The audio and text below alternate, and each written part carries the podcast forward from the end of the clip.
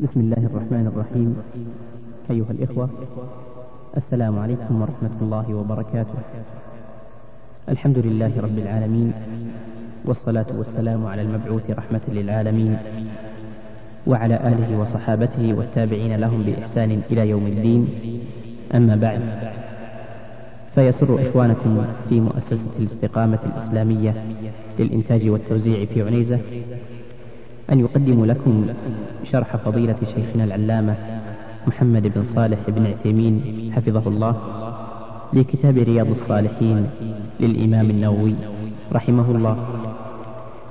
والشيخ حفظه الله شرح الكتاب بعد صلاة العصر من كل يوم وقد بدأ بشرحه في السادس من شهر صفر لعام أحد عشر وأربعمائة وألف من الهجرة. وهذا الكتاب كتاب مبارك كثير الخير والنفع وهو من أكثر كتب الإمام النووي اشتهارا فقد عني به العلماء وغيرهم فقرأه الخاصة والعامة وسمعه الناس وما زالوا يسمعونه في حديث المساجد. وقد أوتي النووي رحمه الله قبولا عند الناس.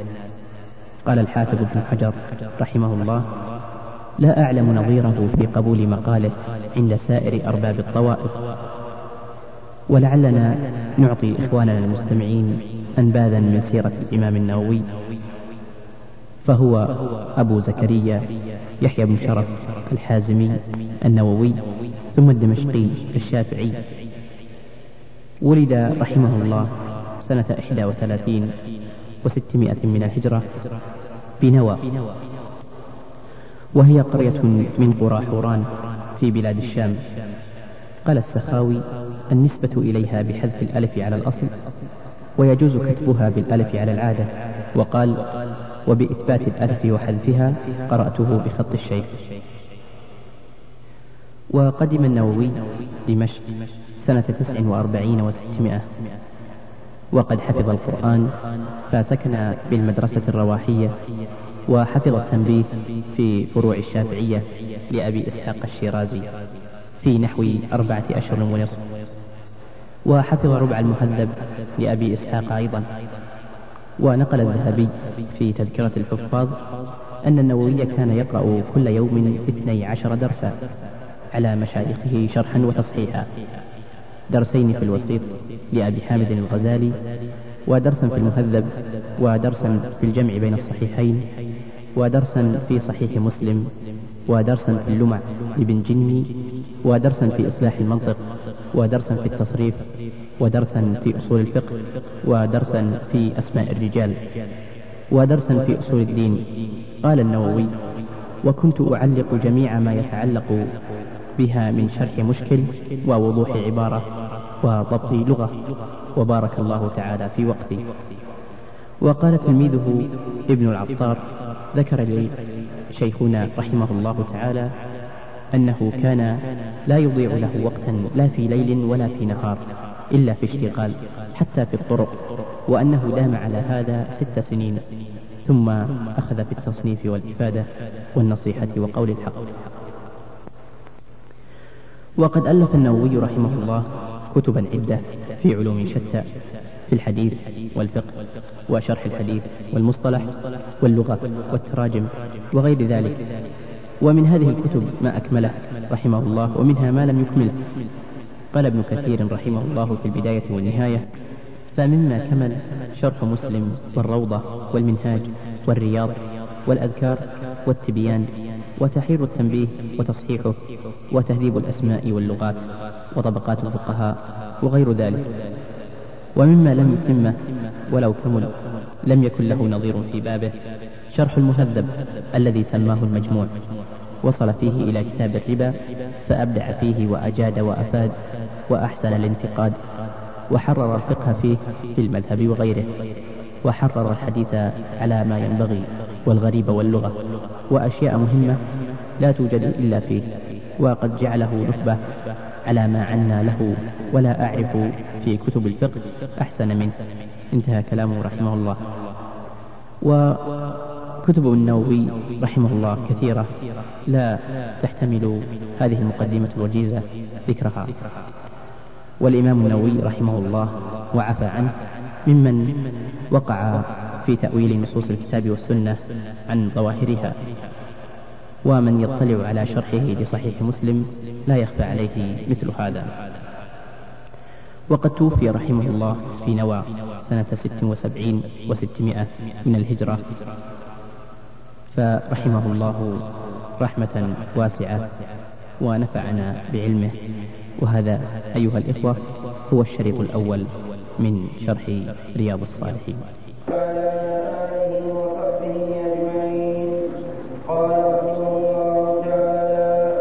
الرحيم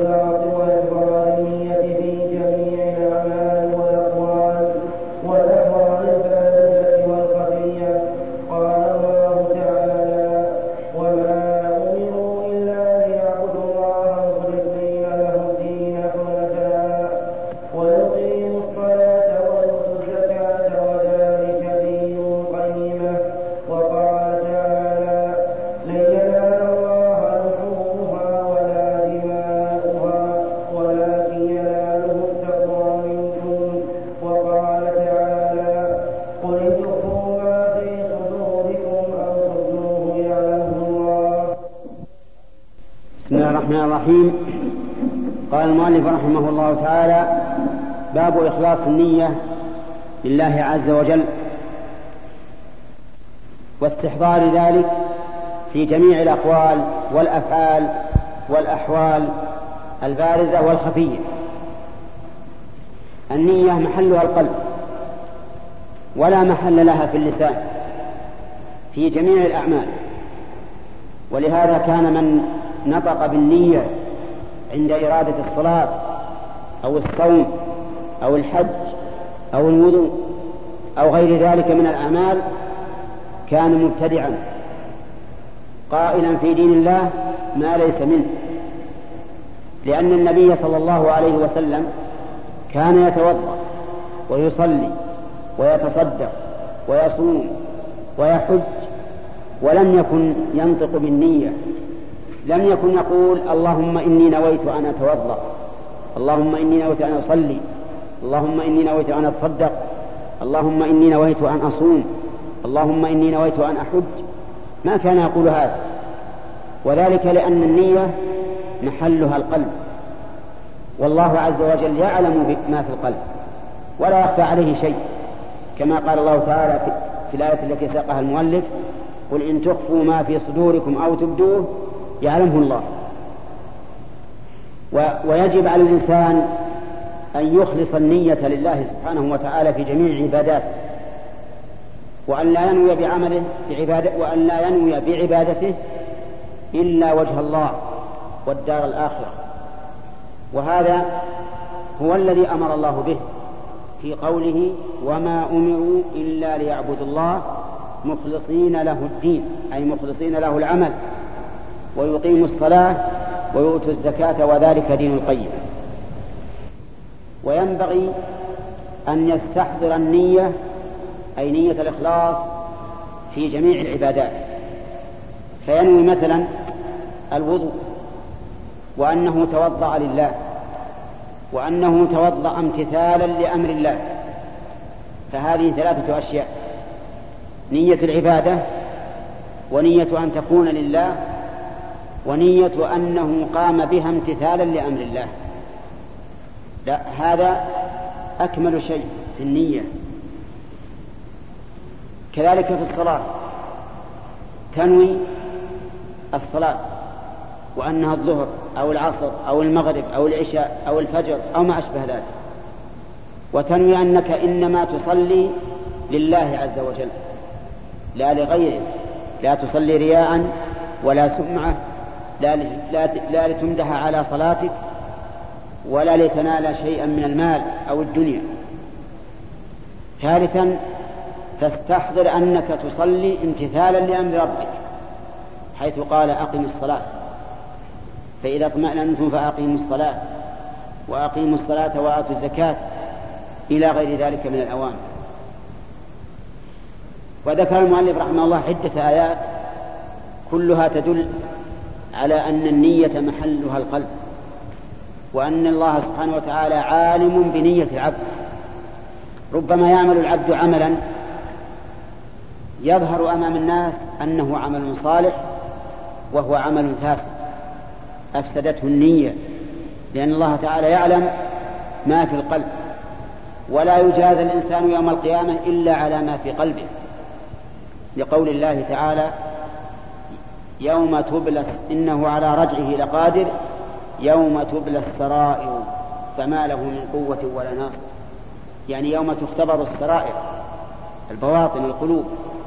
كقوله أفلا يعلم إذا بعثر ما في القبور وحصل ما في الصدور.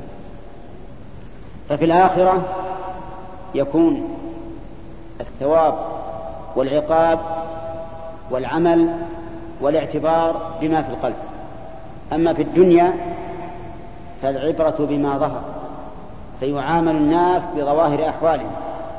ولكن هذه الظواهر إن وافقت ما في البواطن صلح ظاهره وباطنه وسريرته وعلانيته.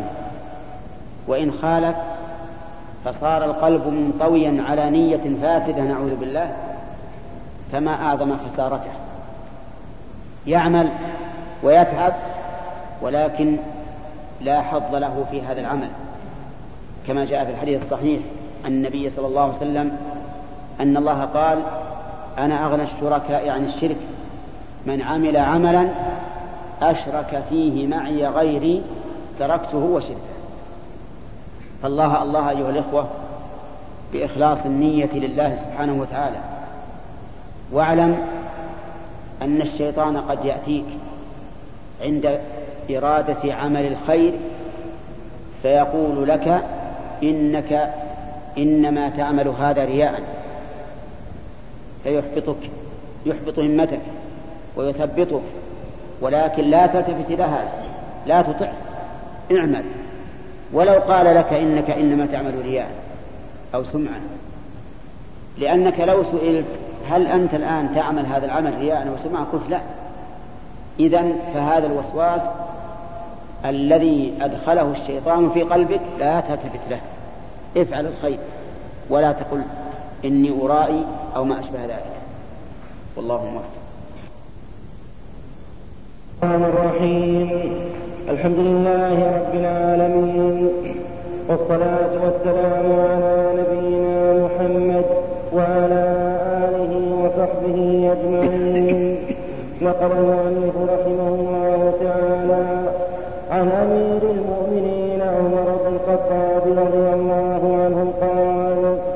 سمعت رسول الله صلى الله عليه وسلم يقول إنما الأعمال بالنيات وإنما لكل امرئ ما نوى.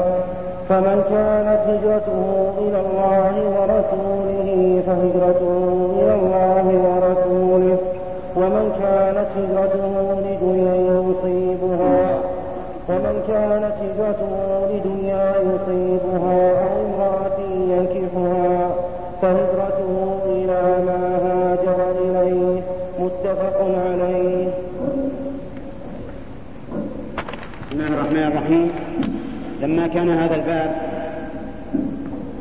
في في في الإخلاص إخلاص النية لله عز وجل وأنه ينبغي أن تكون النية المخلصة لله في كل قول وفي كل فعل وعلى كل حال. وذكر المؤلف من الآيات ما يتعلق بهذا المعنى ذكر رحمه الله من الأحاديث ما يتعلق به أيضا. وصدر هذا بحديث عمر بن الخطاب رضي الله عنه الذي قال فيه سمعت النبي صلى الله عليه وسلم يقول إنما الأعمال بالنيات وإنما لكل امرئ ما نوى. إنما الأعمال بالنيات وإنما لكل امرئ ما نوى. هاتان جملتان. اختلف العلماء رحمهم الله فيهما. فقال بعض العلماء إنهما جملتان بمعنى واحد وأن الجملة الثانية تأكيد للجملة الأولى ولكن هذا ليس بصحيح. وذلك لأن الأصل في الكلام أن يكون تأسيسا لا توكيدا ثم إنهما عند التأمل يتبين أن بينهما فرقا عظيما. فالأولى سبب والثاني نتيجة. الأولى سبب يبين فيها النبي صلى الله عليه وسلم أن كل عمل لا بد فيه من نية. كل عمل يعمله الإنسان وهو عاقل مختار فلا بد فيه من نية. ولا يمكن لأي عاقل مختار يعمل عملا إلا بنية. حتى قال بعض العلماء لو كلفنا الله عملا بلا نية لكان من تكليف ما لا يطاق. وهذا صحيح. كيف تعمل وأنت عاقل بعقلك وأنت مختار غير مكره؟ كيف تعمل عملا بلا نية؟ هذا مستحيل. لأن العمل ناتج عن إرادة وقدرة والإرادة هي النية. الإرادة هي النية.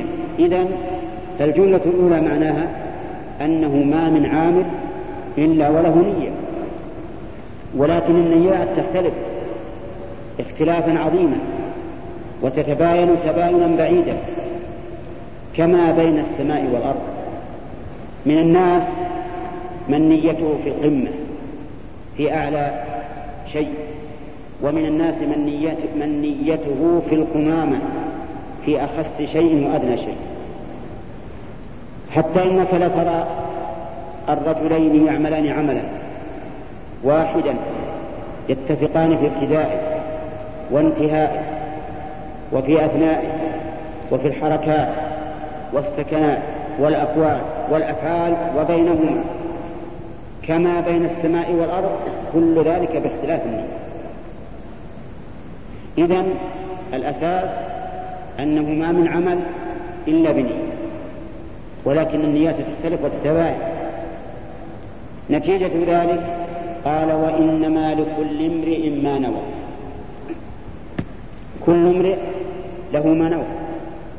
إن نويت الله والدار الآخرة في أعمالك الشرعية حصل لك ذلك. وإن نويت الدنيا فقد تحصل وقد لا تحصل. من كان يريد العاجلة عجلنا له فيها ما نشاء لمن نريد. ما قال عجلنا له ما يريد؟ عجلنا له فيها ما نشاء لا ما يشاء هو. لمن نريد لا, لا, لا, كل لا, لا لكل إنسان. فقيد المعجل والمعجل له. المعجل الذي أراده الإنسان والمعجل له. إذا من الناس من يعطى ما يريد من الدنيا ومنهم من يعطى شيئا منه ومنهم من لا يعطى شيئا أبدا. هذا معنى قوله عجلنا له فيها ما نشاء لمن نريد. أما من أراد الآخرة وسعى لها سعيها وهو مؤمن فأولئك كان سعيهم مشكورا. لا بد أن يجني ثمرات هذا العمل الذي أراد به وجه الله الدار الآخرة. إذا إنما لكل امرئ ما نوى. وهذه هذه الجملة والتي قبلها ميزان لكل عمل لكنه ميزان الباطن ميزان الباطن وقوله صلى الله عليه وسلم فيما أخرجه الشيخان عن عائشة رضي الله عنها من عمل عملا ليس عليه أمرنا فهو رد ميزان للأعمال الظاهرة. ولهذا قال أهل العلم هذان الحديثان يجمعان الدين كله. حديث عمر إنما الأعمال بالنيات ميزان للباطل. وحديث عائشة من عمل عملا ليس عليه أمرنا ميزان للظاهر. ثم ضرب النبي صلى الله عليه وسلم مثلا. يطبق هذا الحديث عليه. قال فمن كانت هجرته إلى الله ورسوله فهجرته إلى الله ورسوله. ومن كانت هجرته لدنيا يصيبها أو امرأة ينكحها فهجرته إلى ما هاجر إليه. الهجرة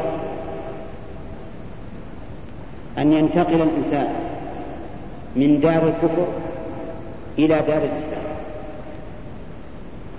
مثل أن يكون رجل في أمريكا وأمريكا دار كفر فيسلم ولا يتمكن من إظهار دينه هناك فينتقل منها إلى البلاد الإسلامية. هذه هي الهجرة. إذا هاجر الناس فالناس يختلفون في الهجرة. منهم من يهاجر ويدع بلده إلى الله ورسوله. يعني إلى شريعة الله التي شرعها الله على لسان رسوله صلى الله عليه وسلم. هذا هو الذي ينال الخير وينال مقصوده. ولهذا قال فهجرته إلى الله ورسوله. يعني فقد أدرك ما نوى. الثاني من المهاجرين هاجر لدنيا يصيبه. يعني رجل يحب جمع المال. فسمع أن في بلد الإسلام مرتعا خصبا لاكتساب الأموال فهاجر من بلد الكفر إلى بلد الإسلام من أجل المال فقط. لا يقصد أن يستقيم دينه ولا يهتم بدينه لكن همه المال. ثانيا رجل هاجر من بلد الكفر إلى بلد الإسلام يريد امرأة يتزوجها قيل له لا نزوجك إلا في بلاد الإسلام ولا تسافر بها إلى بلد الكفر. فهاجر من بلده بلد الكفر إلى بلد الإسلام من أجل أن يتزوج هذه المرأة. فمريد الدنيا ومريد المرأة لم يهاجر إلى الله ورسوله. ولهذا قال النبي عليه الصلاة والسلام فهجرته إلى ما هاجر إليه. وهنا قال إلى ما هاجر إليه. ولم يقل فهجرته إلى دنيا يصيبها أو امرأة ينكحها. فلماذا؟ قيل لطول الكلام. لأنه إذا قال فهجرته إلى دنيا يصيبها أو امرأة ينكحها صار الكلام طويلا. فقال هجرته إلى ما هاجر إليه. وقيل بل لم ينص عليهما احتقارا لهما. وإعراضا عن ذكرهما. فلأنهما حقيران أي الدنيا والزوجة والنية ونية الهجرة التي هي من أفضل الأعمال لإرادة الدنيا والمرأة نية منحطة سافلة. قال هجرته إلى ما هاجر إليه فلم يذكر ذلك احتقارا. وعلى كل حال سواء هذا أو هذا أو الجميع فإن هذا الذي نوى بهجرته الدنيا أو المرأة التي ينكحها لا شك أن نيته سافلة منحطة هابطة بخلاف الأول الذي هاجر إلى الله ورسوله. والهجرة أنواع ربما نتكلم عليها إن شاء الله في الدرس القادم. والله موفق. الحمد لله رب العالمين والصلاة والسلام على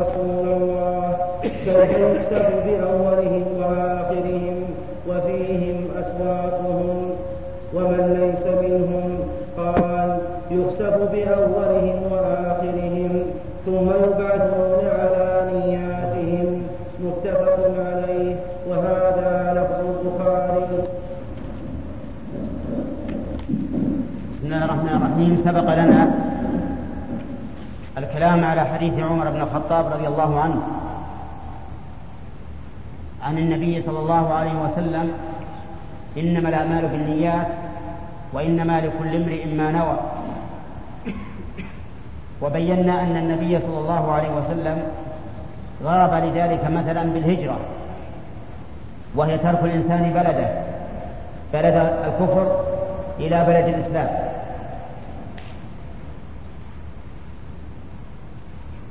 وأن الرسول صلى الله عليه وسلم أراد بذلك ضرب المثل دون الحصر. يعني فمن كانت هجرته إلى الله ورسوله ومن كانت صلاته لله ومن كان صومه لله ومن كان حجه لله كل العبادات حسب إرادة الإنسان ونيته. إن فعلها لله عز وجل فهذا هو المخلص الموحد وإن فعلها لغير الله تقرب إلى عباد الله بما يتقرب به إلى الله فهذا مشرك. وقد يصل إلى حد الشرك الأكبر. وإن أراد بذلك الدنيا فهو أيضا حابط عمله. ووعدنا أننا نتكلم عن الهجرة. فالهجرة تكون للعمل وتكون للعامل وتكون للمكان. أما هجرة المكان فأن ينتقل الإنسان من مكان تكثر فيه المعاصي ويكثر فيه الفسوق وربما يكون بلد كفر إلى بلد لا يوجد فيه ذلك. وأعظم الهجرة من بلد الكفر إلى بلد الإسلام. وقد ذكر أهل العلم أنه يجب على الإنسان أن يهاجر من بلد الكفر إلى بلد الإسلام إذا كان غير قادر على إظهار دينه. وأما إذا كان قادرا على إظهار دينه ولا يعارض إذا أقام شعائر الإسلام فإن الهجرة لا تجب عليه ولكنها تستحب. وبناء على ذلك يكون السفر إلى بلد الكفر أعظم من البقاء فيه. فإذا كان بلد الكفر الذي كان وطن الإنسان إذا لم يستطع إقامة دينه فيه وجب عليه مغادرته والهجرة منه فكذلك إذا كان الإنسان من أهل, من أهل الإسلام ومن بلاد المسلمين فإنه لا يجوز له أن يسافر إلى بلد الكفر لما في ذلك من الخطر على دينه وعلى أخلاقه ولما في ذلك من إضاعة ماله ولما في ذلك من تقوية اقتصاد الكفار. ونحن مأمورون بأن نغيظ الكفار بكل ما نستطيع. كما قال الله تبارك وتعالى يا أيها الذين آمنوا قاتلوا الذين يلونكم من الكفار وليجدوا فيكم غلظة. واعلموا أن الله مع المتقين. وقال تعالى ولا يطعون موطئا يغيظ الكفار ولا ينالون من عدو نيلا إلا كتب لهم به عمل صالح. إن الله لا يضيع أجر المحسنين. فالكافر أيا كان سواء كان من النصارى أو من اليهود أو من الملحدين وسواء تسمى بالإسلام أم لم يتسمى بالإسلام الكافر عدو لله ولكتابه ولرسوله وللمؤمنين جميعا. مهما تلبس بما يتلبس به فإنه عدو. فلا يجوز للإنسان أن يسافر إلى بلد الكفر إلا بشروط ثلاثة. الشرط الأول أن يكون عنده علم يدفع به الشبهات لأن الكفار يريدون على المسلمين شبها شبها في دينهم شبها في رسولهم شبها في كتابهم شبها في أخلاقهم في كل شيء يريدون الشبه. ليبقى الإنسان شاكا متذبذبا ومن المعلوم أن الإنسان إذا شك في الأمور التي يجب فيها اليقين فإنه لا, لا لم يقم بالواجب. فالإيمان بالله وملائكته وكتبه ورسله واليوم الآخر والقدر خير وشره الإيمان بهذه يجب أن يكون يقينيا. فإن شك الإنسان في شيء من ذلك فهو كافر. فهم أعني الكفار يدخلون على المسلمين الشك حتى إن بعضهم صرح بعض زعمائهم. قال لا تحاولوا أن تخرجوا المسلم من دينه إلى دين النصارى. ولكن يكفي أن تشككوه في دينه. لأنكم إذا شككتموه في دينه سلبتموه الدين. وهذا كافي فأنتم أخرجوه من هذه الحظيرة التي فيها الغلبة والعزة والكرامة ويكفي. أما أن تحاول أن تدخلوه دين النصارى المبني على الضلال والسفاهة فهذا لا يمكن. لأن النصارى ضالون. كما جاء في الحديث عن النبي عليه الصلاة والسلام.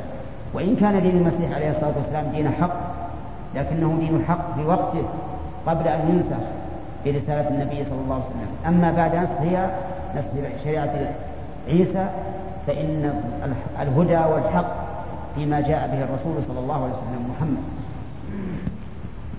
لا بد أن يكون عنده علم يدفع به الشبهات.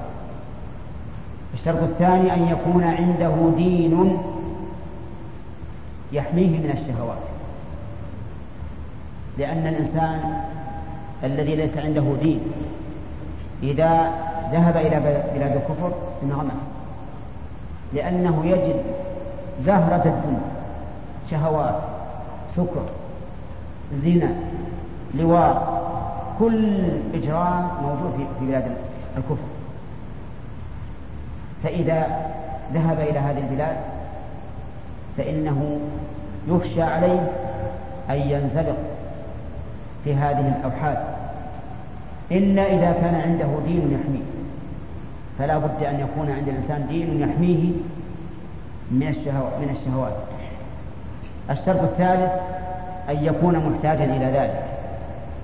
مثل أن يكون مريضا يحتاج إلى السفر إلى بلاد الكفر للاستشفاء أو يكون محتاجا إلى علم لا يوجد في بلد الإسلام تخصص فيه فيذهب إلى هناك يتعلم أو يكون إنسان محتاجا إلى تجارة يذهب يتجر ويرجع المهم أنه لا بد أن يكون هناك حاجة ولهذا أرى أن الذين يسافرون إلى بلد الكفر من أجل السياحة فقط أرى أنهم آثمون أنهم آثمون وأن كل قرش يصرفونه لهذا السفر فإنه حرام عليه وإضاعة لماله وسيحاسبون عنه يوم القيامة حين لا يجدون مكانا يتفسحون فيه أو يتنزهون فيه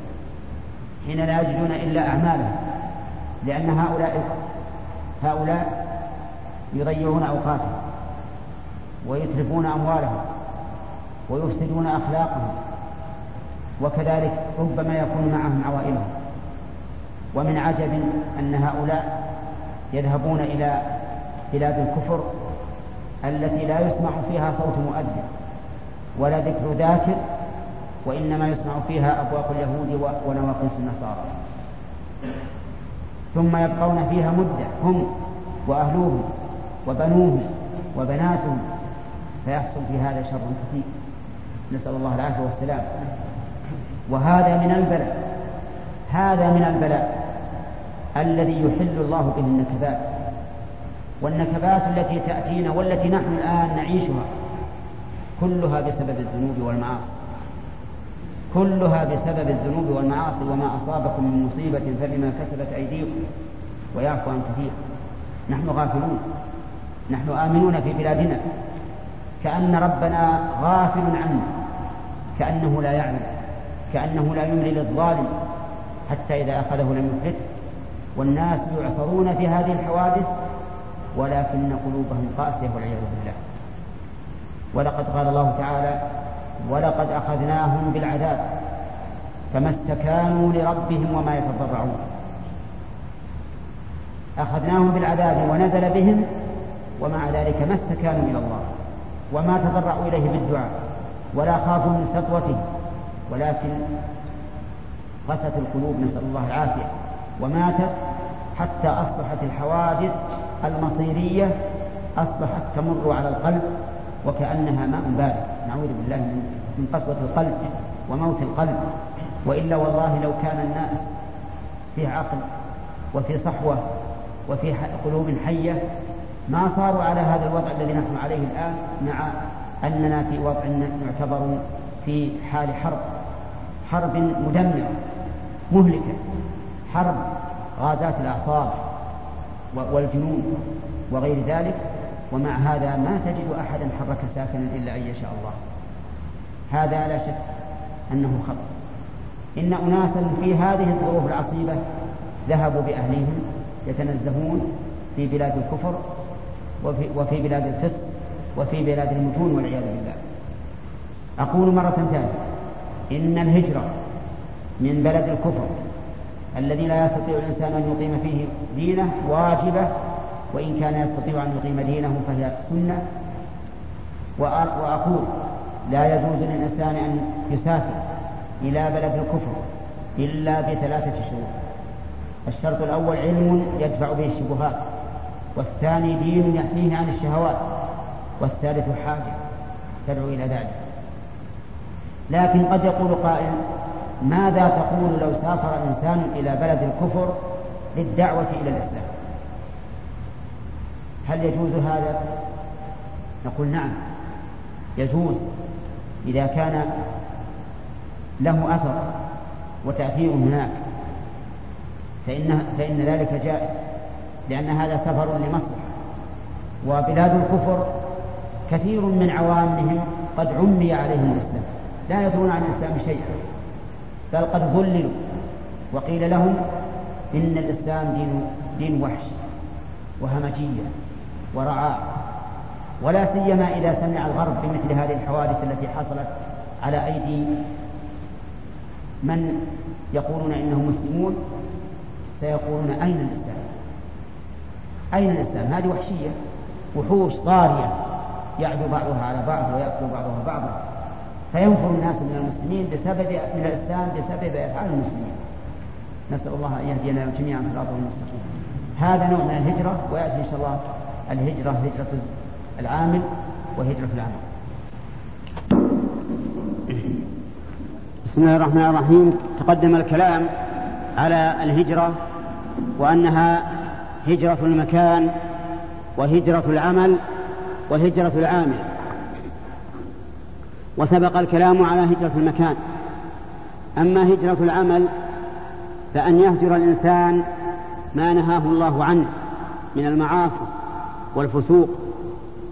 كما قال النبي صلى الله عليه وسلم المسلم من سلم المسلمون من لسانه ويده والمهاجر من هجر ما حرم الله عليه فتهجر كل ما حرم الله عليه سواء كان مما يتعلق بحقوق الله أو مما يتعلق بحقوق عباد الله. فتهجر السب والشتم والقتل والغش وأكل المال بالباطل وعقوق الوالدين وقطيعة الأرحام وكل شيء حرم الله عليه تهجره. حتى لو أن نفسك دعتك إلى هذا وألحت عليك فاذكر أن الله حرم ذلك حتى تهجره وتبعد عنه. أما هجرة العامل فإن فإن العامل قد تجب هجرته أحيانا. قال أهل العلم مثل مثل الرجل المجاهر بالمعصية الذي لا يبالي بها فإنه يشرع هجره إذا كان في هجره فائدة ومصلحة. والمصلحة والفائدة أنه إذا هجر عرف قدر نفسه ورجع عن المعصيه مثال ذلك رجل معروف بالغش في البيع والشراء فيهجره الناس فإذا هجروه تاب من هذا ورجع وندم ورجل ثاني يتعامل بالربا فيهجره الناس ولا يسلمون عليه ولا يكلمونه فإذا عرف هذا خجل من نفسه وعاد إلى صوابه. ورجل ثالث وهو أعظمه لا يصلي فهذا مرتد كافر والعياذ بالله. يجب أن يهجر فلا يرد عليه السلام ولا يسلم عليه و ولا تجاب دعوته حتى إذا عرف نفسه ورجع إلى الله وعاد إلى الإسلام انتفع بذلك. أما إذا كان الهجر لا, لا يفيد ولا ينفع وهو من أجل معصية لا من أجل كفر لأن الهجر إذا كان للكفر فإنه يهجر الكافر المرتد على كل حال أفاد أم لم يفد؟ لكن صاحب المعصية التي دون الكفر إذا لم يكن في هجره مصلحة فإنه لا يحل هجره لأن النبي صلى الله عليه وسلم قال لا يحل لرجل أن يهجر أخاه المؤمن فوق ثلاث. يلتقيان فيعرض هذا ويعرض هذا وخيرهما الذي يبدأ بالسلام. ومن المعلوم أن المعاصي التي دون الكفر عند أهل السنة والجماعة لا تخرج من الإيمان فيبقى النظر بعد ذلك هل الهجر مفيد أو لا. إن أفاد وأوجب أن يدع الإنسان معصيته فإنه يهجر.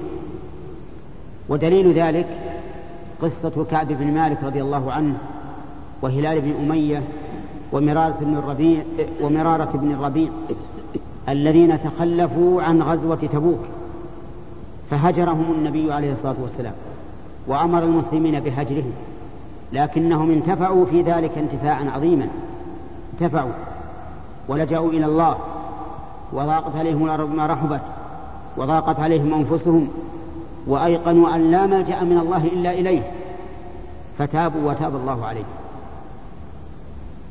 فهذا هذا هذه أنواع الهجرة. هجرة المكان وهجرة العمل وهجرة العامل. ثم ذكر المؤلف حديث عائشة رضي الله عنها أن النبي صلى الله عليه وسلم أخبر بأنه يغزو جيش الكعبة الكعبة المشرفة حماها الله وأنقذها من كل شر. هذه الكعبة هي بيت الله. بناه إبراهيم. وابنه إسماعيل وكان يرفعان القواعد من البيت ويقولان ربنا تقبل منا إنك أنت السميع العليم. هذا البيت أراد أبرهة أن يغزوه من اليمن فغزاه بجيش عظيم في مقدمته فيل عظيم. يريد أن يهدم به الكعبة بيت الله.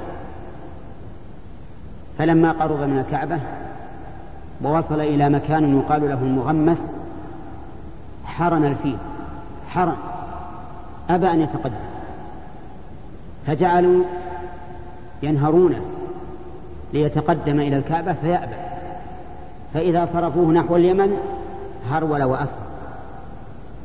ولهذا قال النبي عليه الصلاة والسلام في غزوة الحديبية لما أن ناقته حرنت وأبت أن تمشي فقال الصحابة خلأت القصواء خلأت القصواء يعني حرنت. قال النبي صلى الله عليه وسلم والله ما خلأت القصواء ما خلأت القصواء وما ذاك لها بخلق. النبي عليه الصلاة والسلام يدافع عن, بهيمة. لأن الظلم لا ينبغي ولا على البهائم. قال ما خلأت وما ذاك لها بخلق. ما هي عادتها؟ ولكن حبسها حابس الفيل.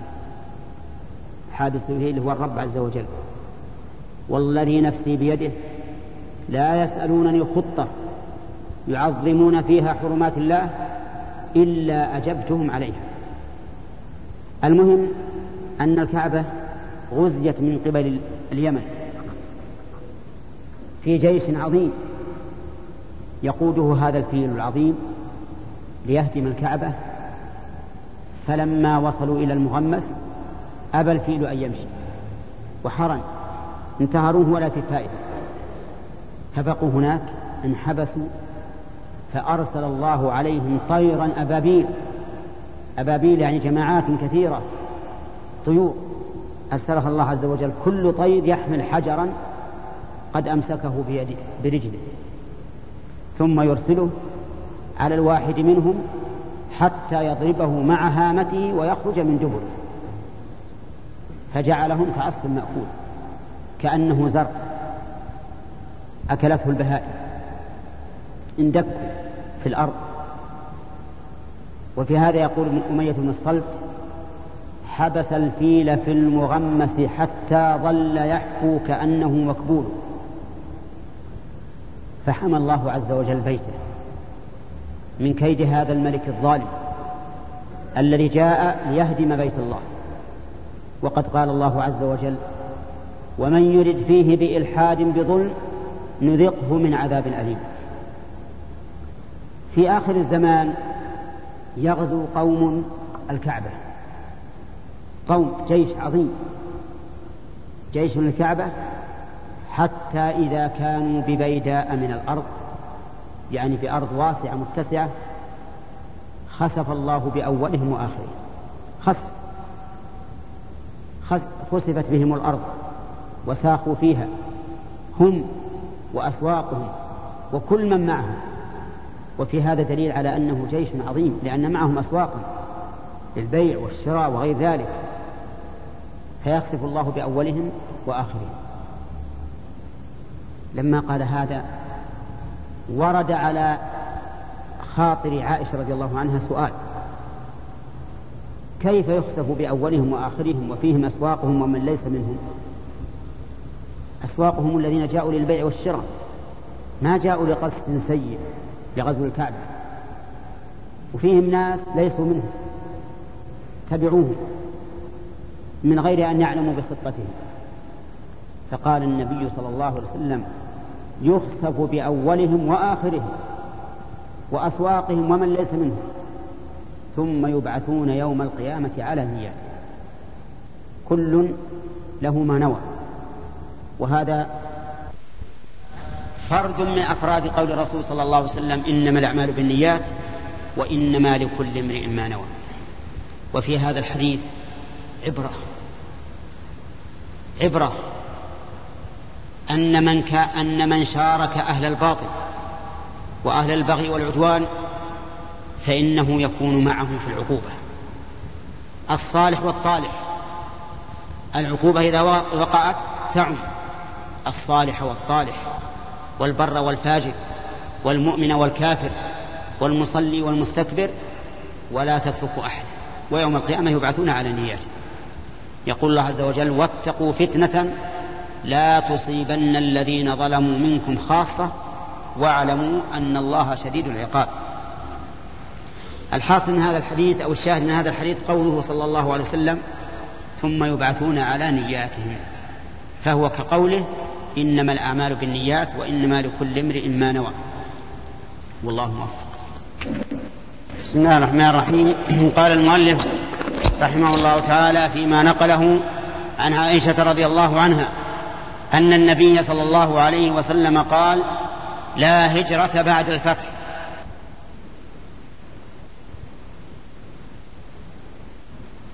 إذا استنفرتم فانفروا.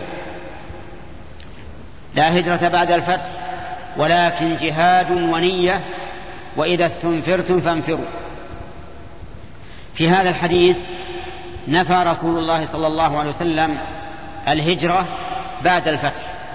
فقال لا هجرة وهذا النفي ليس على عمومه يعني أن الهجرة لم تبطل بالفتح بل إن الهجرة لا تنقطع حتى تنقطع التوبة ولا تنقطع التوبة حتى تخرج الشمس من مغربها كما جاء ذلك في الحديث عن رسول الله صلى الله عليه وسلم. لكن المراد بالنفي هنا نفي الهجرة من مكة. كما قاله المؤلف رحمه الله لأن مكة بعد الفتح صارت بلاد إسلام. ولن تعود بعد ولن تعود بعد ذلك بلاد كفر. ولذلك نفى النبي صلى الله عليه وسلم أن تكون هجرة بعد الفتح يعني بعد فتح مكة. وكانت مكة تحت سيطرة المشركين وأخرجوا منها رسول الله صلى الله عليه وسلم.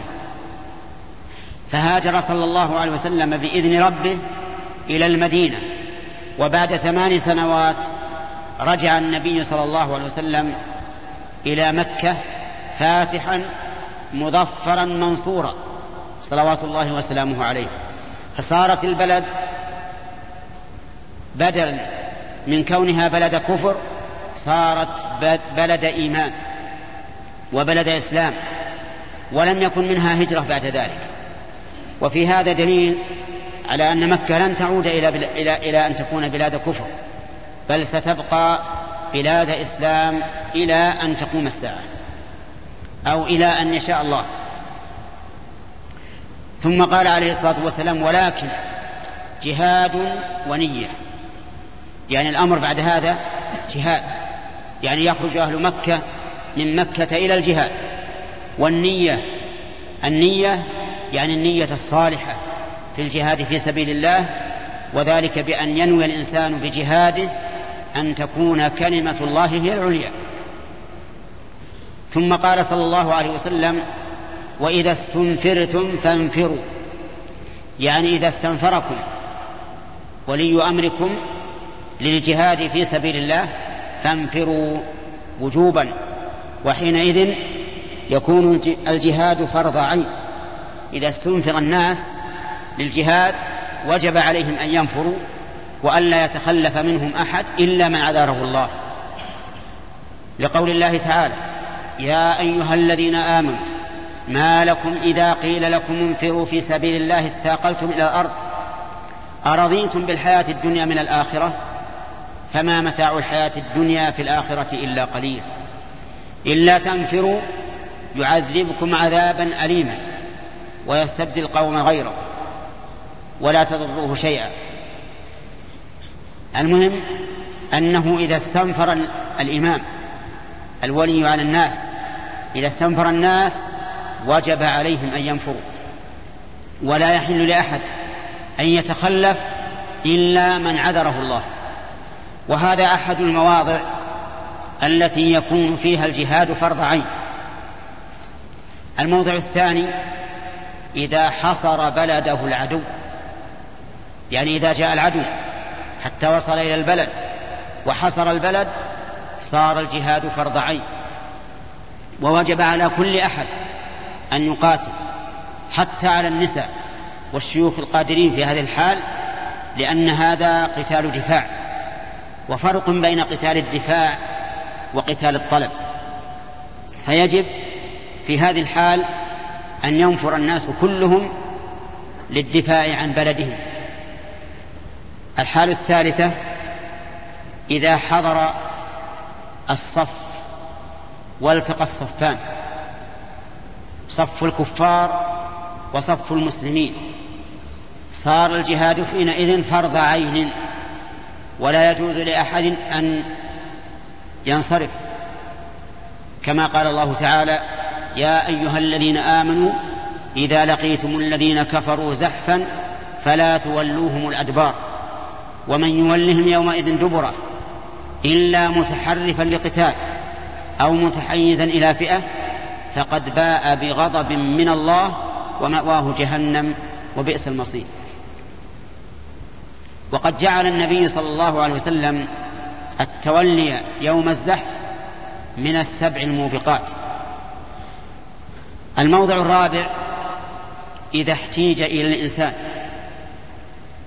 بأن يكون السلاح لا يعرفه إلا فرد من فرد وكان الناس يحتاجون إلى هذا الرجل لاستعمال هذا السلاح الجديد مثلا فإنه يتعين عليه أن يجاهد وإن لم يستنفره الإمام وذلك لأنه محتاج إليه.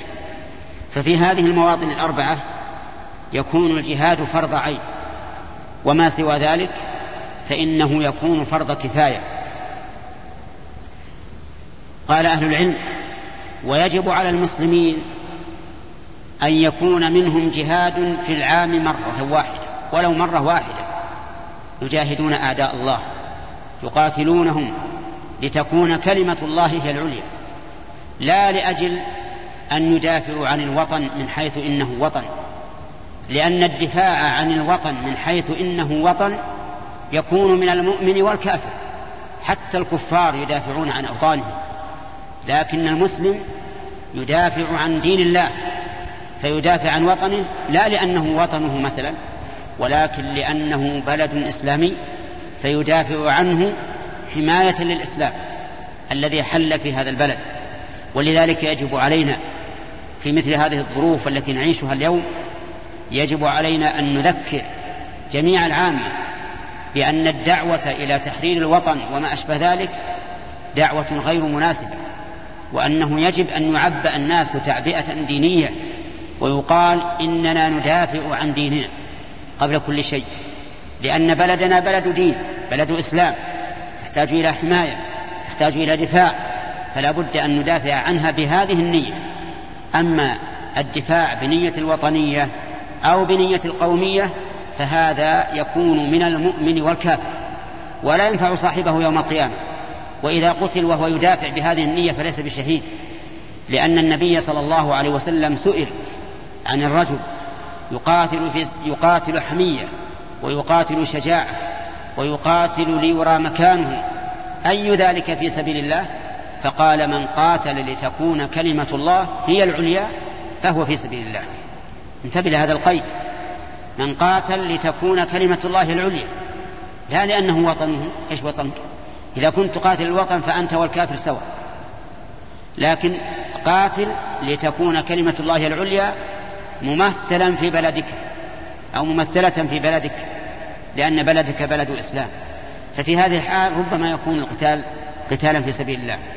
وثبت عنه صلى الله عليه وسلم أنه قال ما من مكلوم يكلم في سبيل الله والله أعلم بمن يكلم في سبيله يكلم يعني يجرح إلا جاء يوم القيامة وجرحه يثعب دما اللون لون الدم والريح ريح المسك فانظر كيف اشترط النبي صلى الله عليه وسلم للشهادة أن يكون الإنسان قاتل في سبيل الله والقتال في سبيل الله أن يقاتل لتكون كلمة الله العليا.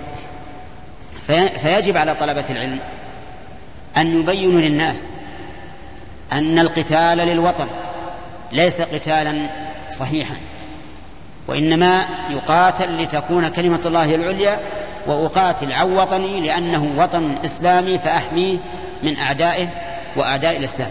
فبهذه النية تكون النية صحيحة. والله موفق. بسم الله الرحمن الرحيم. قال المؤلف رحمه الله تعالى فيما نقله عن جابر بن عبد الله رضي الله عنهما. قال كنا مع النبي صلى الله عليه وسلم في غزاة. يعني في غزوة. فقال إن في المدينة لأقواما ما سرتم مسيرا ولا قطعتم واديا إلا وهم معكم. حبسهم المرض وفي لفظ إلا شركوكم في الأجر. وكذلك حديث البخاري عن أنس رضي الله عنه نحو هذا الحديث. ففي هذا دليل على أن الإنسان إذا نوى العمل الصالح ولكنه حبسه عنه حابس فإنه يكتب له الأجر. يكتب له أجر ما نوى. أما إذا كان يعمله في حال عدم العذر يعني لما كان قادرا كان يعمله ثم عجز عنه فيما بعد فإنه يكتب له أجر العمل كاملا. لأن النبي صلى الله عليه وسلم قال من مرض من مرض أو سافر كتب له ما كان يعمل صحيحا مقيما. فالمتمني للخير الحريص عليه إن كان من عادته أنه يعمله. ولكن حبسه عنه حابس كتب له أجره كاملا.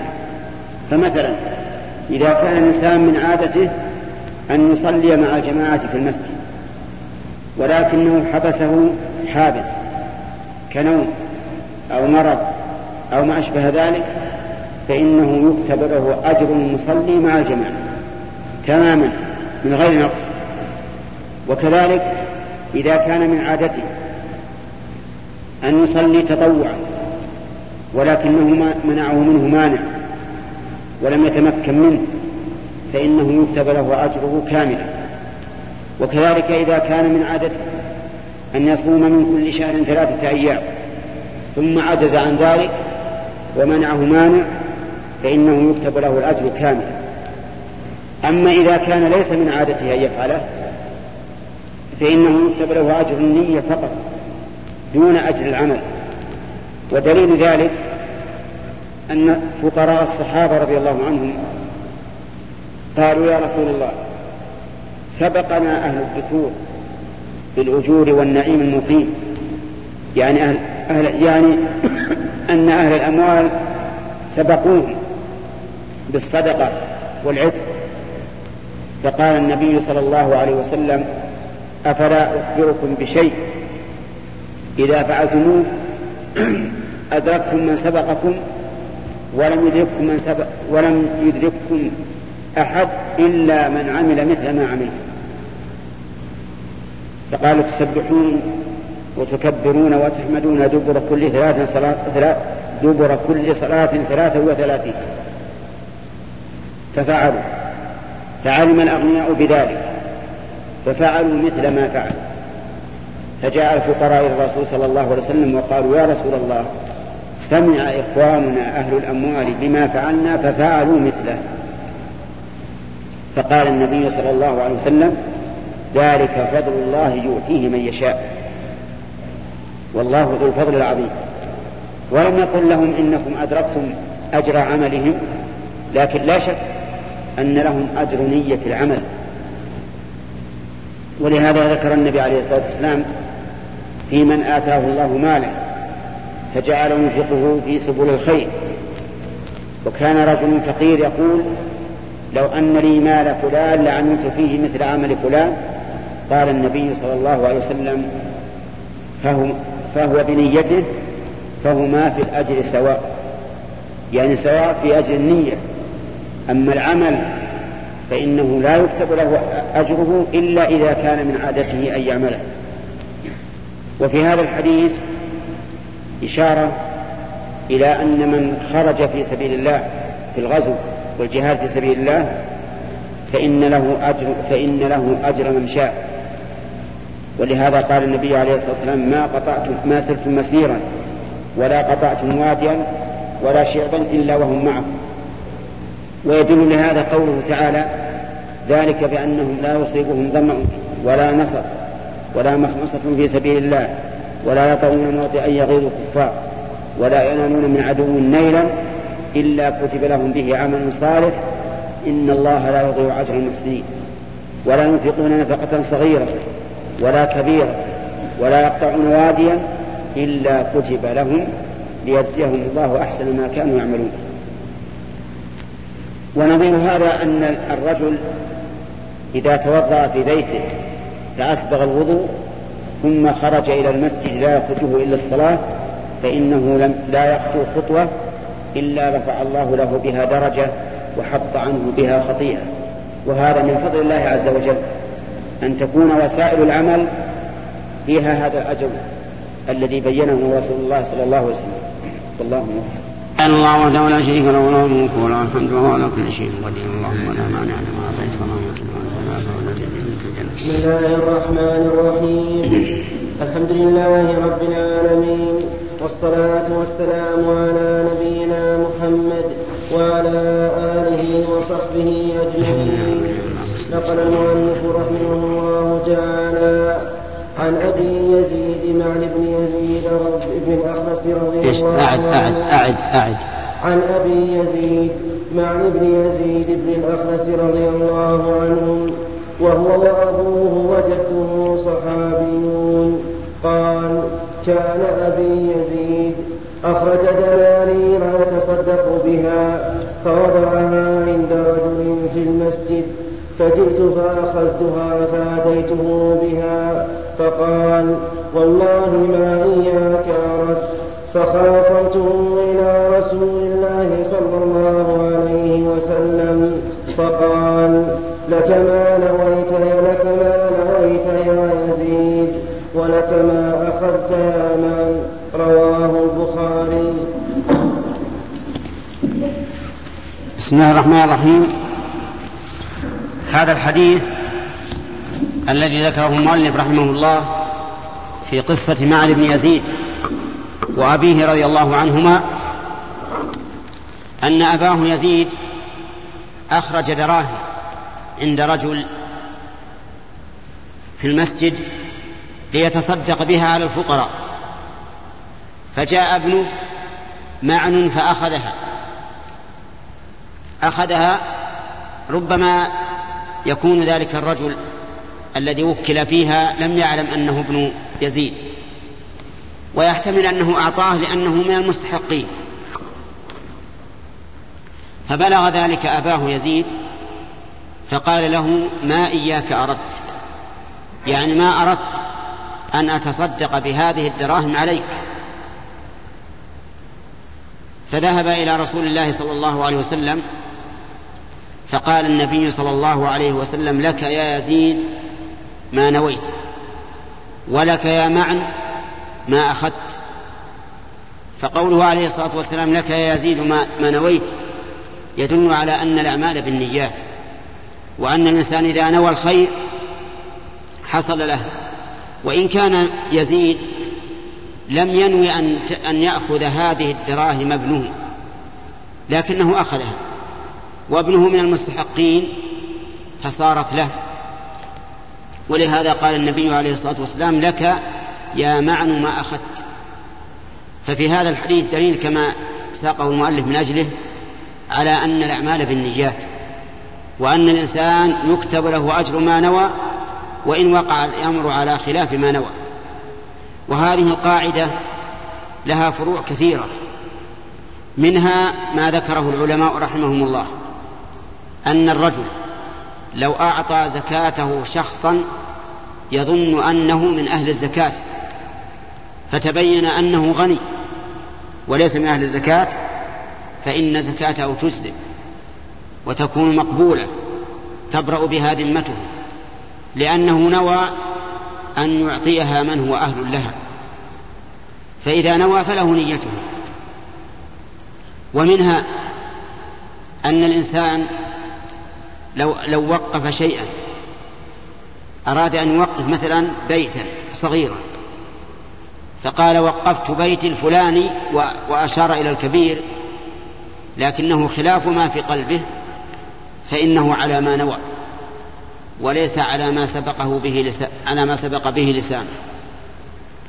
ومنها أيضا لو أن إنسانا جاهلا لا يعرف الحج لا يعرف الفرق بين العمرة وبين الحج فحج مع الناس فقال لبيك حجا وهو يريد عمرة يتمتع بها إلى الحج فإن له ما نوى.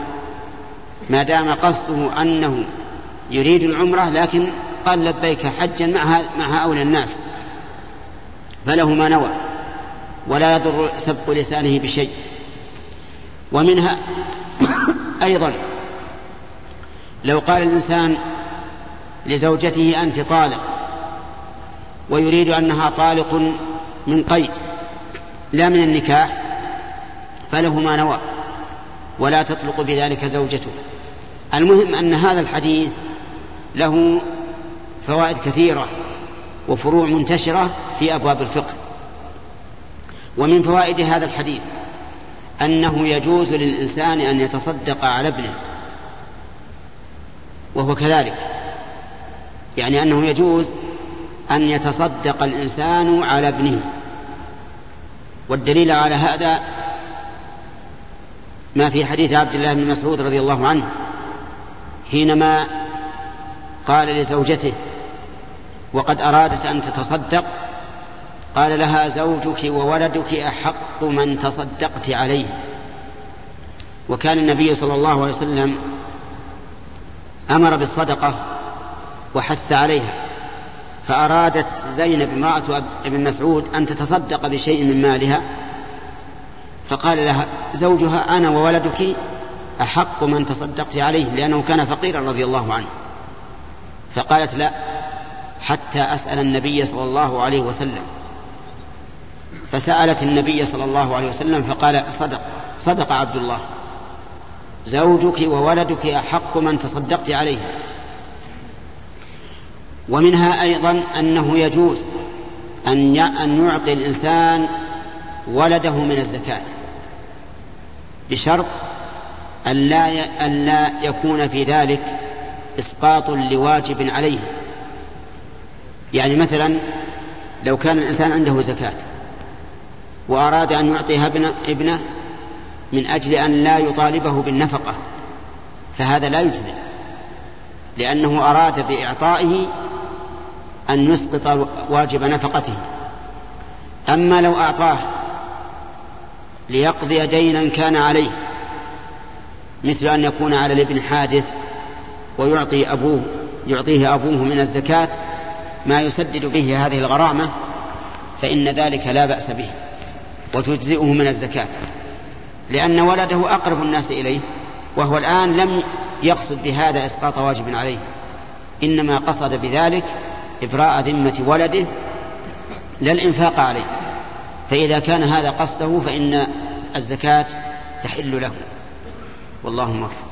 عليه وسلم يعودني عام حجة الوداع وجع اشتد بي فقلت يا رسول الله إني قد بلغ إني قد بلغ بي من الوجع ما ترى وأنا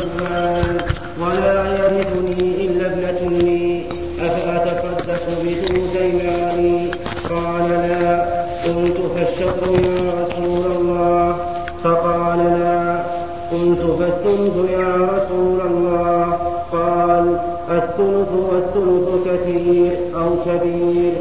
إنك أن تذر ورثتك أغنياء خير من أن تذرهم عالة يتكففون الناس.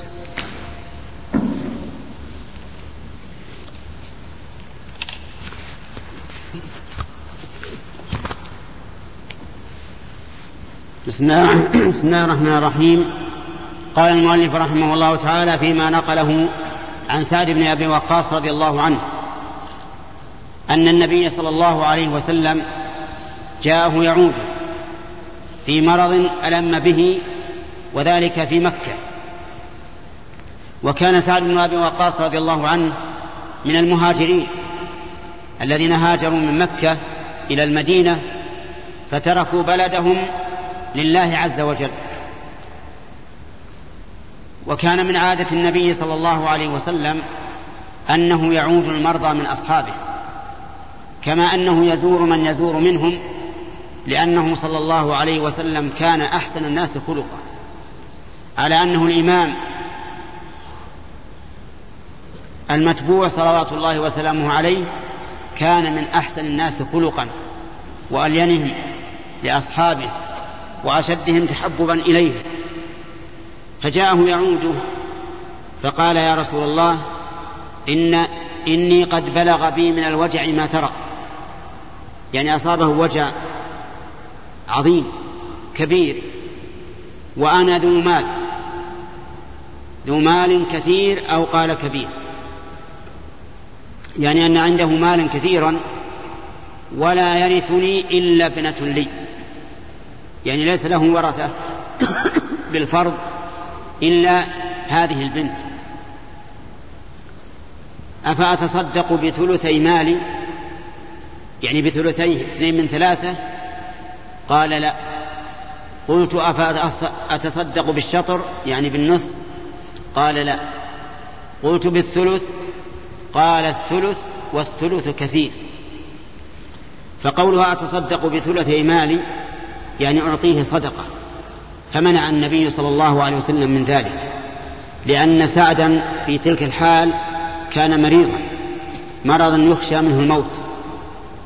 فلذلك منعه الرسول صلى الله عليه وسلم أن يتصدق بأكثر من الثلث لأن المريض مرض الموت المخوف لا يجوز أن يتصدق بأكثر من الثلث لأن ماله قد تعلق به حق الغير وهم الورثة.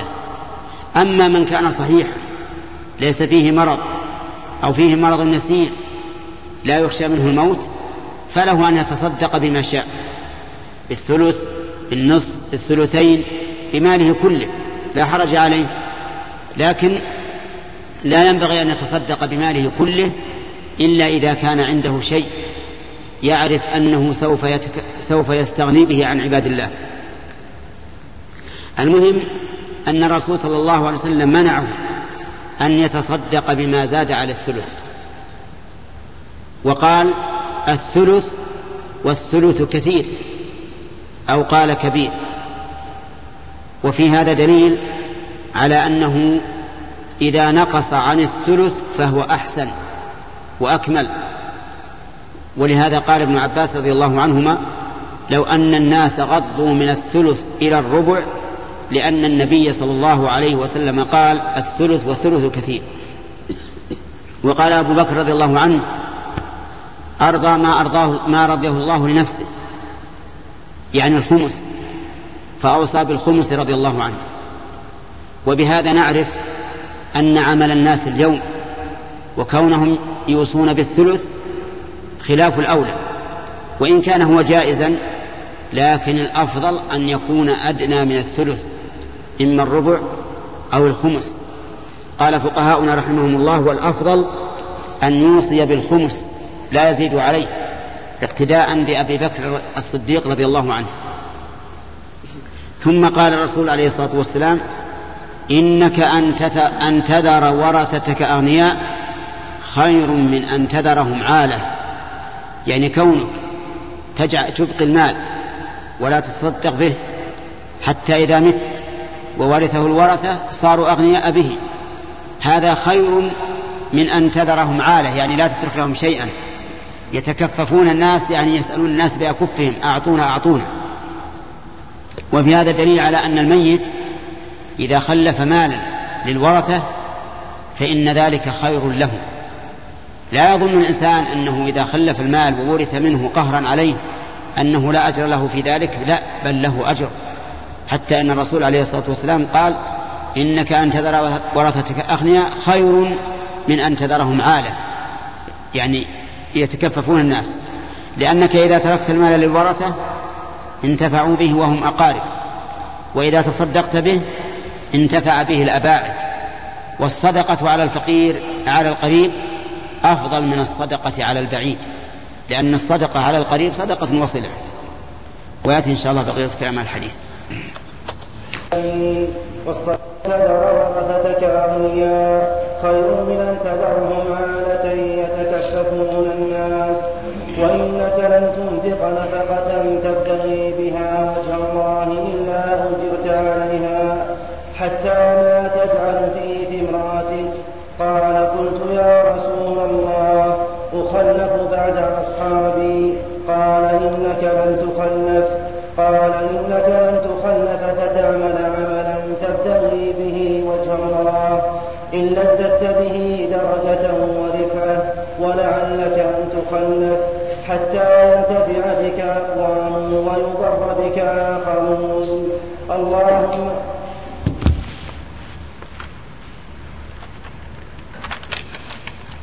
سعد بن أبي وقاص رضي الله عنه في قصة مرضه وأن النبي صلى الله عليه وسلم جاء يعوده وأنه استشار النبي صلى الله عليه وسلم هل يتصدق بالثلث بثلثي ماله أو بنصفه أو بثلثه. فقال الثلث والثلث كثير. ثم بين له أنه إذا ترك ورثته أغنياء كان خيرا من أن يتركهم عالة يتكففون الناس. ثم قال يا رسول الله أخلف بعد أصحابي فقال إنك لن تخلف. بل قال, بل قال قبل ذلك واعلم أنك لن تنفق نفقة تبتغي بها وجه الله إلا أجرت عليها حتى ما تجعله في في امرأتك. يقول لن تنفق نفقة؟ يعني مالا.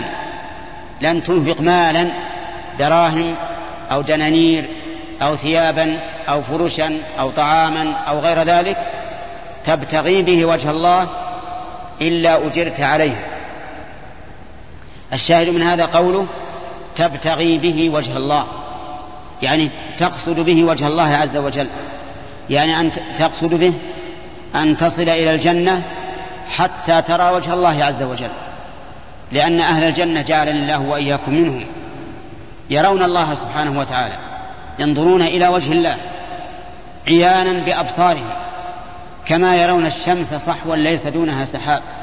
وكما يرون القمر ليلة البدر. يعني أنهم يرون ذلك حقا.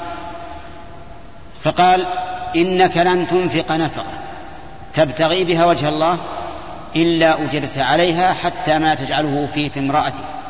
يعني حتى اللقمة التي تطعمها امرأتك تؤجر عليها إذا قصدت بها وجه الله. مع أن الإنفاق على الزوجة أمر واجب. لو لم تنفق لقالت أنفق أو طلق. ومع هذا إذا أنفقت على زوجتك تريد به وجه الله آجرك الله على ذلك. وكذلك إذا أنفقت على أولادك إذا أنفقت على أمك على أبيك بل إذا أنفقت على نفسك تبتغي بذلك وجه الله فإن الله سبحانه وتعالى يثيبك على هذا. ثم قال رضي الله عنه أخلف بعد أصحابي يعني أخلف بعد أصحابي يعني هل أتأخر بعد أصحابي فأموت بمكة؟ فأموت بمكة؟ فبين النبي صلى الله عليه وسلم أنه لن يخلف فقال إنك لن تخلف وبين له أنه لو خلف ثم ثم عمل عملا يبتغي به وجه الله إلا ازداد به عند الله درجة ورفعة. يعني لو فرض أنك خلفت ولم تتمكن من الخروج من مكة وعملت عملا تبتغي به وجه الله فإن الله تعالى يزيدك به رفعة ودرجة رفعة في المقام والمرتبة ودرجة في المكان. فيرفعك الله عز وجل في جنات النعيم درجات حتى لو عملت بمكة وأنت قد هاجرت منها. ثم قال النبي صلى الله عليه وسلم ولعلك أن تخلف. أن تخلف هنا غير أن تخلف الأول. لعلك أن تخلف يعني أن تعمر في الدنيا. وهذا هو الذي وقع. فإن سعد بن أبي وقاص عمر زمانا طويلا حتى إنه رضي الله عنه كما ذكر العلماء خلف سبعة عشر ذكرا واثنتي عشرة بنتا. سبعة عشر ذكر. واثنتي عشرة بنتا وهو كان بالأول ما عنده إلا بنت واحدة. ولكن بقي وعمر ورزق أولادا سبعة عشر ابنا واثنتي عشرة ابنة. قال ولعلك أن تخلف حتى حتى ينتفع بك أقوام ويضر بك آخر. وهذا الذي حصل فإن سعد رضي الله عنه خلف وصار له أثر كبير. في الفتوحات الإسلامية وفتح فتوحات عظيمة كبيرة فانتفع به أقوام وهم المسلمون وضر به آخرون وهم الكفار. والله موفق. والصلاة والسلام على نبينا محمد وعلى آله وصحبه أجمعين. نقل المؤلف رحمه الله تعالى في سياق حديث سعد قال رسول الله صلى الله عليه وسلم اللهم امض لاصحابي هجرتهم ولا تردهم على أعقابهم لكن البائس سعد بن خولة يرثي له رسول الله صلى الله عليه وسلم أن بمكة متفق عليه. ما في الشرح في الشرح بسم الله الرحمن الرحيم. قال المؤلف رحمه الله تعالى في بقية حديث سعد بن أبي وقاص رضي الله عنه حينما قال له النبي عليه الصلاة والسلام لعلك أن تخلف حتى يضر بك أقو... ينتفع بك أقوام ويضر بك آخرون. وقلنا إن هذا الأمر وقع فإن سعد بن أبي وقاص عمر حتى فتح الله على يد على يديه بلاد كثيرة من بلاد الكفر فانتفع بذلك المسلمون وضر بذلك الكافرون. ثم قال النبي صلى الله عليه وسلم اللهم أمض لأصحابي هجرتهم. سأل الله أن يمضي لأصحابه هجرتهم وذلك بأمرين الأمر الأول ثباتهم على الإيمان. لأنه إذا ثبت الإنسان على الإيمان ثبت على الهجرة. والثاني أن لا يرجع أحد منهم إلى مكة بعد أن خرج منها مهاجرا إلى الله ورسوله. لأنك إذا خرجت من البلد مهاجرا إلى الله ورسوله فهو كالمال الذي تتصدق به.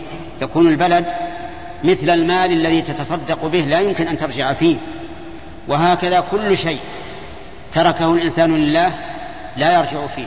ومن ذلك ما وفق فيه كثير من الناس من إخراج التلفزيون من, من, من بيوتهم توبة إلى الله وابتعادا عنه وعما فيه من الشرور.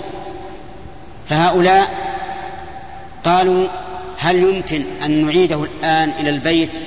نقول لا بعد أن أخرجتموه لله لا تعيدونه لأن الإنسان إذا ترك شيئا لله وهجر شيئا لله فلا يعود فيه. ولهذا سأل النبي عليه الصلاة والسلام سأل ربه أن يمضي لأصحابه هجرته. قال ولا تردهم على أعقابهم. يعني لا, ترجع لا تجعلهم ينكصون عن الإيمان فيرتدون على أعقابهم. لأن الكفر تأخر والإيمان تقدم. وفي وهذا على عكس ما يقوله الملحدون اليوم. حيث يصفون الإسلام بالرجعية ويقولون إن التقدمية أن ينسلخ الإنسان من الإسلام وأن يكون علمانيا يعني علمانيا بمعنى أنه لا يفرق بين الإيمان والكفر والعياذ بالله ولا بين الفسوق والطاعة. فالإيمان هو التقدم حقيقة. المتقدمون هم المؤمنون والتقدم يكون بالإيمان والردة تكون نقصا على العقبين كما قال تعالى كما قال النبي عليه الصلاة والسلام هنا ولا تردهم على أعقابهم. في هذا الحديث من الفوائد فوائد عظيمة كثيرة. منها أن أن من هدي الرسول صلى الله عليه وسلم عيادة المرضى. من هدي النبي صلى الله عليه وسلم عيادة عيادة المرضى لأنه عاد سعد بن أبي وقاص رضي الله عنه. وفي عيادة المرضى فوائد. فوائد للعائد وفوائد للمعود. أما العائد فإنه يؤدي حق أخيه المسلم لأن من حق أخيك المسلم أن تعوده إذا مرض ومنها أن الإنسان إذا عاد المريض فإنه لا يزال في مخرفة الجنة يعني يجني ثمار الجنة حتى يعود. ومنها أن في ذلك تذكيرا للعائد بنعمة الله. عليه بالصحة لأنه إذا رأى هذا المريض ورأى ما هو فيه من, من, من المرض ثم رجع إلى نفسه ورأى ما فيها من الصحة والعافية عرف قدر نعمة الله عليه بهذه العافية لأن الشيء إنما يعرف بضد بضده. ومنها أن فيها جلبا للمودة والمحبة فإن الإنسان إذا عاد المريض صارت هذه العيادة في قلب المريض دائما على قلبه دائما على قلبه يتذكرها وكلما ذكرها أحب الذي يعوده وهذا يظهر كثيرا فيما إذا برئ المريض وحصلت منه ملاقاة لك تجده يتشكر منك وتجد أن قلبه ينشرح بهذا الشيء. أما المعود فإن له فيها فائدة أيضا لأنها تؤنس وتشرح صدره. ويزول عنه ما فيه من الهم والغم من المرض وربما يكون العائد موفقا يذكره بالخير والتوبة والوصية إذا كان يريد أن يوصي بشيء عليه من الديون أو غيرها فيكون في ذلك فائدة للمعود فائدة كبيرة. ولهذا قال العلماء ينبغي لمن, لمن عاد المريض أن ينفس له في أجله يعني يفرحه يقول ما شاء الله أنت اليوم في خير وما أشبه ذلك. يعني مو بلازم يقول أنت طيب قد يكون اليوم أشد مرضا من أمس لكن يقول أنت اليوم في خير لأن المؤمن كله خير. كل كل أمر المؤمن خير. إن أصابه ضر فهو في خير إن أصابته شر ضر سر فهو في خير. فيقول الله اليوم أنت بخير والحمد لله وما أشبه ذلك مما يدخل عليه السرور والأجل محتوم. إن كان هذا المرض أجله مات وإن كان بقي له شيء من الدنيا بقي. المهم أنه ينبغي كما قال أهل العلم أن ننفس له في أجله. وينبغي أيضا أن نذكره التوبة. لكن لا يقول له ذلك بصفة مباشرة لأنه ربما ينزعج ويقول لولا أنه رأى أن مرضي خطير ما ذكرني بالتوبة. لكن يبدأ يذكر من الآيات إن كان يحفظ الآيات أو الأحاديث اللي فيها الثناء على التائبين. ما يتذكر به المريض. وينبغي كذلك أن يذكره الوصية. ما يقول أوصي فإن أجلك قريب. إذا قال هكذا انزعج يذكر مثلا بقصص واردة عليه مثلا يقول فلان مثلا كان عليه دين وكان رجل حازم مثلا كان يوصي أهله بقضاء دينه وما أشبه ذلك من الكلمات التي لا ينزعج بها. قال أهل العلم وينبغي أيضا إذا رأى منه تشوفا إلى أن يقرأ عليه ينبغي أن يقرأ عليه ينفث عليه بما ورد عن النبي عليه الصلاة والسلام. مثل قولها اللهم رب الناس أذهب الباس واشف أنت الشافي لا شفاء إلا شفاؤك شفاء لا يغادر سقما. ومثل قوله ربنا الله الذي في السماء تقدس اسمك أمرك في السماء والأرض كما رحمتك في السماء فاجعل رحمتك في الأرض. أنت رب الطيبين. اغفر لنا حوبنا وخطايانا. أنزل رحمة من رحمتك وشفاء من شفائك على هذا الوجع. فيبرأ.